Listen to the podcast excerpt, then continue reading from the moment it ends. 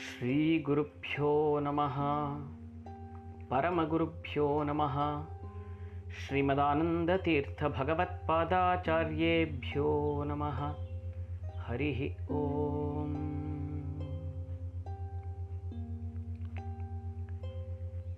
पूज्याय राघवेन्द्राय सत्यधर्मरताय च भजतां कल्पवृक्षाय। ನಮತಾಂ ಕಾಮಧೇನವೇ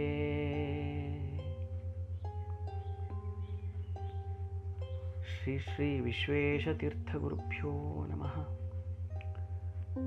ಶ್ರೀಮದ್ವಾದೀಂದ್ರ ತೀರ್ಥರಿಂದ ವಿರಚಿತವಾದ ಗುರುಗುಣಸ್ತವನದಲ್ಲಿ ಈವರೆಗೂ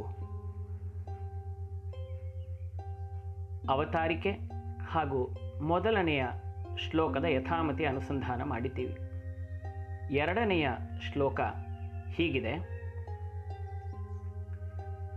ಮಾತಸ್ತ್ವಾಂ ಉಪಕಲ್ಪಿತಾಖಿಲ ಜಗತ್ ಸರ್ಗೇ ಜ ಭರ್ಗೇಡಿತೆ ಚೇತೋ ನಃ ಪ್ರಜಹಾತು ಜಾತು ಚಿದಿಹ ಸ್ವರ್ಗೇ ಪವರ್ಗೇ ಪಿನಃ. ಲಾವಣ್ಯಾದಧರೀಕೃತಾಮರವಧೂ ವರ್ಗೇ ನಿಸರ್ಗೇ ಹಿತಂ. ಕಾರುಣ್ಯಂ ಕುರು ಮಾ ಕೃಥಾ ಮಯಿ ಪುನಃ ದುರ್ಗೆ ವಿಸರ್ಗೇ ಮತಿಂ ಹಿಂದೆ ಜಗದೊಡೆಯನಾಗಿರ್ತಕ್ಕಂತಹ ಸಮಸ್ತ ಗುರುಗಳಿಗೂ ಗುರುವಾದ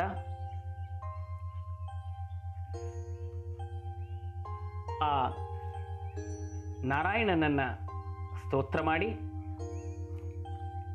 ಅವನ ಪತ್ನಿಯಾದ ಲಕ್ಷ್ಮೀದೇವಿಯನ್ನು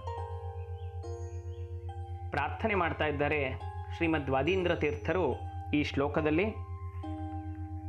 ಲಕ್ಷ್ಮಿಗೆ ಮತ್ತೊಂದು ಹೆಸರು ದುರ್ಗೆ ಅಂತ. ಯಾಕೆಂದರೆ ನಾವು ಲಕ್ಷ್ಮಿ ನಮ್ಮ ಜೊತೆಗಿದ್ದರೆ ಸಂಪತ್ತು, ಹಣ ಬೇಕಾದಷ್ಟು ಅನುಭವಿಸ್ತೇವೆ, ಖುಷಿ ಪಡ್ತೇವೆ. ಭಗವಂತನನ್ನೇ ಮರೆತು ಬಿಡ್ತೇವೆ. ಭಗವಂತನನ್ನು ಬಿಡ್ರಿ. ಯಾವ ಲಕ್ಷ್ಮಿಯಿಂದ ನಮ್ಮ ಉಪಜೀವನ ಆಗ್ತಾ ಇದೆಯೋ, ಯಾರಿಂದ ನಾವು ಸುಖವಾಗಿ ಸಂಸಾರದ ಜೊತೆಗೆ ಬದುಕ್ತಾ ಇದ್ದೀವೋ, ಅಂತಹ ಲಕ್ಷ್ಮಿಗಾದರೂ ಕೃತಜ್ಞತೆಯನ್ನು ಸಲ್ಲಿಸಬೇಕಲ್ವೇ? ಇಲ್ಲ. ದುಃಖೇನ ಗಮ್ಯತೆ. ಅಸ್ಮಾಭಿ ತಾಂ ಪ್ರತಿ ಯಾವ ಲಕ್ಷ್ಮಿಯನ್ನು ನಾವು ಬಹಳ ಕಷ್ಟಪಟ್ಟು ಸೇವನೆ ಮಾಡ್ತೀವಂದರೆ ಪ್ರಯೋಜನ ಪಡ್ಕೊಳ್ತೀವಿ, ತುಂಬ ಹಿಂಜರಿತೀವಿ ಅವಳನ್ನು ಸ್ಮರಿಸೋದಿಕ್ಕೆ, ಅವಳಿಗೆ ಕೃತಜ್ಞತೆ ಸಲ್ಲಿಸೋದಿಕ್ಕೆ. ಆದ್ದರಿಂದಲೂ ಅವಳ ಹೆಸರು ದುರ್ಗೆ. ಬಹಳ ದುಃಖದಿಂದ ಭಕ್ತರು ಅಂದರೆ ತುಂಬ ಕಷ್ಟಪಟ್ಟು ಅವಳಿಗೆ ಕೃತಜ್ಞತೆಯನ್ನು ಸಲ್ಲಿಸುವವರೇ ಎಲ್ಲರೂ ಬಹಳ ಕಡಿಮೆ ಜನ. ಲಕ್ಷ್ಮಿ ನೀನು ನನಗೆ ಬಹಳ ಅನುಕೂಲ ಮಾಡಿಕೊಟ್ಟಿದ್ದೀಯಮ್ಮ ಅಂತ ಸ್ಮರಿಸುವವರು. ಅಥವಾ ದುರ್ಗಮವಾಗಿರ್ತಕ್ಕಂತಹ ಕಷ್ಟಗಳಿಂದ ನಮ್ಮನ್ನು ಪಾರು ಮಾಡುವವಳು ಆದ್ದರಿಂದಲೂ ಅವಳಿಗೆ ದುರ್ಗಾ ಅಂತ ಹೆಸರು. ಆ ದುರ್ಗಾ ರೂಪಿಣಿಯಾಗಿರ್ತಕ್ಕಂತಹ ಲಕ್ಷ್ಮಿಯನ್ನು ಸ್ತೋತ್ರ ಮಾಡ್ತಾ ಇದ್ದಾರೆ. ನಮ್ಮ ಸಕಲ ಕಷ್ಟಗಳು, ಜೀವನದಲ್ಲಿ ಬರುವ ಎಲ್ಲ ರೀತಿಯ ವಿಘ್ನಗಳು ನಿವಾರಣೆಯಾಗಲಿ ಅಂತ. ಮಾತಸ್ತ್ವಾಂ ಉಪಕಲ್ಪಿತಾಖಿಲ ಜಗತ್ ಸರ್ಗೆ ಅಜಭರ್ಕೇಡಿತೆ. ಹೇಳ್ತಾರೆ, ಬ್ರಹ್ಮಾದಿ ಸಕಲ ಪ್ರಾಣಿಗಳನ್ನು ಸೃಷ್ಟಿಸುವವಳು ನೀನಮ್ಮ, ಪ್ರಕೃತಿ ಮಾತೆಯಮ್ಮ ನೀನು. ಬ್ರಹ್ಮ ರುದ್ರಾದಿಗಳಿಂದ ಸದಾ ಸ್ತೋತ್ರ ಮಾಡಲ್ಪಡುವವಳು ನೀನು. ಮತ್ತಷ್ಟೇ ಅಲ್ಲದೆ, ಚೇತೋನ ಪ್ರಜಹಾತು ಜಾತು ಚಿದಿಹ ಸ್ವರ್ಗೇ ಪವರ್ಗೇ ಪಿನಃ. ನೋಡಮ್ಮ ಇವಾಗ ನಿನ್ನನ್ನು ಸ್ಮರಿಸಿಕೊಳ್ಬೇಕು, ನಿನ್ನನ್ನು ನೆನಪಿಸಿಕೊಳ್ಬೇಕು, ನಿನ್ನ ಸ್ತೋತ್ರ ಮಾಡಬೇಕು ಅನ್ನೋ ಬುದ್ಧಿ ಬಂದಿದೆ. ಮುಂದೆ ಹೀಗೆ ಇರುತ್ತೆ ಅನ್ನೋದು ಗೊತ್ತಿಲ್ಲ. ಯಾಕಂದರೆ ನಮಗೆ ಸಂಪತ್ತು ಬಂದಾಗ ನಾವು ದೇವರನ್ನೂ ಮರೆತು ಬಿಡ್ತೇವೆ, ನಿನ್ನನ್ನು ಮರೆತು ಬಿಡ್ತೇವೆ. ಆದ್ದರಿಂದ ನಿನ್ನಲ್ಲಿ ಒಂದೇ ಒಂದು ಪ್ರಾರ್ಥನೆ ಅಮ್ಮ. ಜಾತು ಚಿದಿಹ ಸ್ವರ್ಗೆ ಅಪವರ್ಗೆ. ನಾವು ನಿನ್ನ ಸ್ತೋತ್ರ ಮಾಡಿದ್ರಿಂದ, ನಿನ್ನ ಗಂಡನನ್ನು ಭಕ್ತಿ ಪುರಸ್ಸರವಾಗಿ ಅರ್ಚನೆ ಮಾಡಿದ್ರಿಂದ ಹಂಡ್ರೆಡ್ ಪರ್ಸೆಂಟ್ ನಮಗೆ ನರಕ ಅಂತೂ ಸಿಗಲ್ಲ. ಏನು ಮೋಕ್ಷ ಸಿಗದೇ ಇರ್ಬೋದು. ಸ್ವರ್ಗ ಆದರೂ ಸಿಕ್ಕೇ ಸಿಗತ್ತೆ. ಇನ್ನು ವಿಶೇಷವಾಗಿ ನಮ್ಮ ಗುರು ಹಿರಿಯರ, ನಮ್ಮ ಪಿತೃಗಳ, ನಮ್ಮ ಸಾಧನೆಯ ಫಲವಾಗಿ ಏನಾದ್ರು ಸ್ವರ್ಗ ಸಿಕ್ಕಿದ್ರು, ಅಥವಾ ಅದಕ್ಕಿಂತ ಮೇಲಿನ ಗೋಲೋಕಗಳು ಎಲ್ಲ ಸಿಕ್ಕಿದ್ರು, ಕೊನೆಗೆ ಮೋಕ್ಷವೇ ಸಿಕ್ಕಿದ್ರು, ನಾನು ನಿನ್ನಲ್ಲಿ ಒಂದೇ ಒಂದು ಪ್ರಾರ್ಥನೆ ಅಮ್ಮ. ಸ್ವರ್ಗದಲ್ಲೇ ಇರಲಿ ಅಪ್ಪ ವರ್ಗದಲ್ಲೇ ಇರಲಿ. ಅಂದರೆ ಈ ಸಂಸಾರದಲ್ಲೇ ಇರಲಿ, ಸ್ವರ್ಗದಲ್ಲೇ ಇರಲಿ, ಅಥವಾ ಆ ಮೋಕ್ಷದಲ್ಲೇ ಇರಲಿ ನಿನ್ನ ಸ್ತೋತ್ರವನ್ನು ಮಾತ್ರ ನಾನು ಯಾವತ್ತೂ ಬಿಡದೇ ಇರುವಂತೆ ಮಾಡುವಂತೆ ನೀನು ಆಶೀರ್ವಾದ ಮಾಡಮ್ಮ. ಯಾಕಂದರೆ ಲಕ್ಷ್ಮೀ ಕೃಪಾ ಕಟಾಕ್ಷ ನಮ್ಮ ಮೇಲಿದ್ದರೆ ನಮಗೆಲ್ಲವೂ ಸಿಗತ್ತೆ. ಜ್ಞಾನವೂ ಅವಳಿಂದನೇ ಸಿಗೋದು, ಸಂಪತ್ತು ಅವಳಿಂದನೇ ಸಿಗೋದು ಆಯುಷ್ಯವೂ ಅವಳಿಂದಲೇ, ಸಂಬಂಧವೂ ಅವಳಿಂದಲೇ, ನಮ್ಮ ವೈಮನಸ್ಯಗಳನ್ನು ಕಳ್ಕೊಳ್ಳೋದು ಅವಳಿಂದಲೇ, ನಮ್ಮ ಸಕಲ ವಿಘ್ನಗಳ ನಿವಾರಣೆಯಾಗೋದು ಅವಳಿಂದಲೇ. ಹಾಗಾಗಿ ಮಹಾಲಕ್ಷ್ಮಿ ನಿನ್ನ ಕೃಪಾ ಕಟಾಕ್ಷ ನಮ್ಮ ಮೇಲೆ ಇರಬೇಕು ಅಂತಾದರೆ ನಮ್ಮ ಸ್ತೋತ್ರ ಸದಾ ನಡೀತಾ ಇರಬೇಕು. ನಿನ್ನನ್ನು ನೆನಪಿಸಿಕೊಳ್ಬೇಕು ನಾವು ಯಾವಾಗಲೂ. ಆದ್ದರಿಂದ ನಿನ್ನೇನು ಕೇಳೋದು ಇಷ್ಟೇ ನಿನ್ನ ನೆನಪು ನನ್ನ ಮನಸ್ಸಿನಿಂದ ಹೋಗದೇ ಇರೋ ಹಾಗೆ ನಿನ್ನೆ ನೋಡ್ಕೊ. ಲಾವಣ್ಯಾದಧರಿ ಕೃತಾಮರ ವಧೂವರ್ಗೆ. ನಿನ್ನ ಲಾವಣ್ಯ, ನಿನ್ನ ಸೌಂದರ್ಯ ಏನು ಚೆನ್ನಾಗಿದೆ ಅಂತ ಹೇಳಿದ್ರೆ, ನೋಡಿ, ಲವಣ ಅಂದರೆ ಉಪ್ಪು. ಸಮುದ್ರದಲ್ಲಿ ಮಾತ್ರ ಸಿಗುವಂಥ ನೀವು ಎಷ್ಟೇ ಕಷ್ಟಪಡಿ ನದಿನಲ್ಲೂ ಸಿಗೋದಿಲ್ಲ, ಸರೋವರದಲ್ಲೂ ಸಿಗಲ್ಲ, ಕೆರೆನಲ್ಲೂ ಸಿಗಲ್ಲ ನಿಮ್ಮನೆ ಬಾವಿನಲ್ಲೂ ಸಿಗೋದಿಲ್ಲ.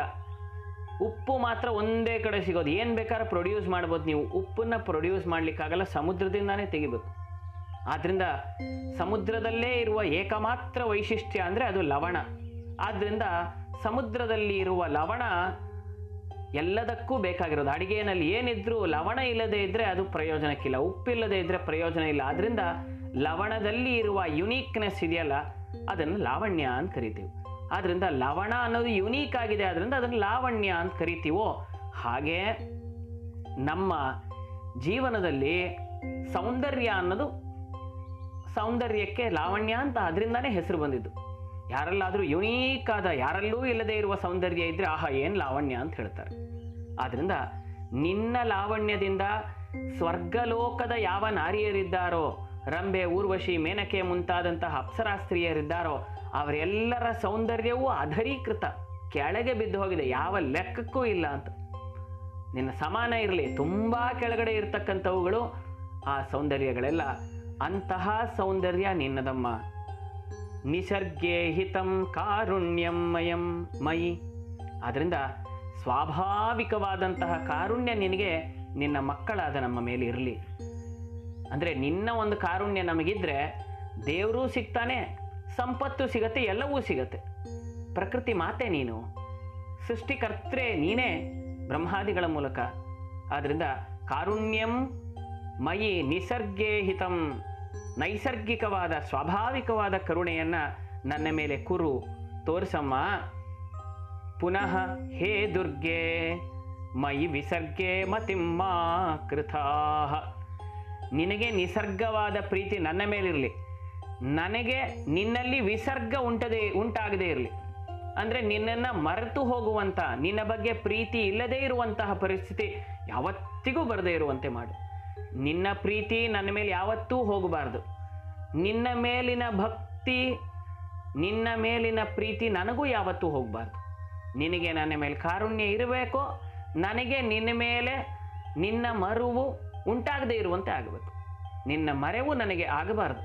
ಆ ರೀತಿಯಲ್ಲಿ ನೀ ನನ್ನನ್ನು ನೋಡಿಕೋಮ್ಮ. ಇದು ನಿನ್ನೆ, ನಿನ್ನ ಕೈಯಲ್ಲೇ ಇದೆ. ಆದ್ರಿಂದಾನೇ ಮೊದಲನೇ ವರ್ಡೆ ಹೇಳ್ತಾರೆ, ಮಾತಃ ನೀನು ತಾಯಿ. ಮಕ್ಕಳು ಏನು ತಪ್ಪು ಮಾಡಿದ್ರು, ಏನು ಮರ್ತೋದ್ರು ತಾಯಂದಿರು ಅದನ್ನೆಲ್ಲ ಮರೆತು ಬಹಳ ಕಾರುಣ್ಯದಿಂದ ಸಲಹುತ್ತಾರೆ. ಹಾಗೆ ನಾನು ತಪ್ಪು ಮಾಡಿರ್ಬೋದು, ನಾನು ಮರೆತಿರ್ಬೋದು ನಿನ್ನನ್ನು ಆಚರಣೆ ಭಕ್ತಿಯಿಂದ ಕೊಂಡಾಡದೇ ಇರ್ಬೋದು. ಆದರೆ ನೀನು ನಮ್ಮ ತಾಯಿ ಅಲ್ವಾ? ಮಕ್ಕಳು ಮಾಡಿದ ತಪ್ಪನ್ನು ಕ್ಷಮಿಸಿ, ಅಮ್ಮ ನನ್ನ ರಕ್ಷಣೆ ಮಾಡು, ನನಗೆ ಕಾರುಣ್ಯವನ್ನು ತೋರಿಸು, ನಿನ್ನ ಮರೆವು ನನಗೆ ಆಗದೇ ಇರುವಂತೆ ನೋಡಿಕೋ ಅಮ್ಮ ಅಂತ ಲಕ್ಷ್ಮೀದೇವಿಯನ್ನು ನಾವು ಸ್ತೋತ್ರ ಮಾಡಬೇಕು ಅನ್ನೋದನ್ನು ಶ್ರೀಮದ್ ವಾದೀಂದ್ರ ತೀರ್ಥರು ಈ ಎರಡನೆಯ ಶ್ಲೋಕದ ಮೂಲಕ ತಿಳಿಸಿಕೊಡ್ತಾ ಇದ್ದಾರೆ.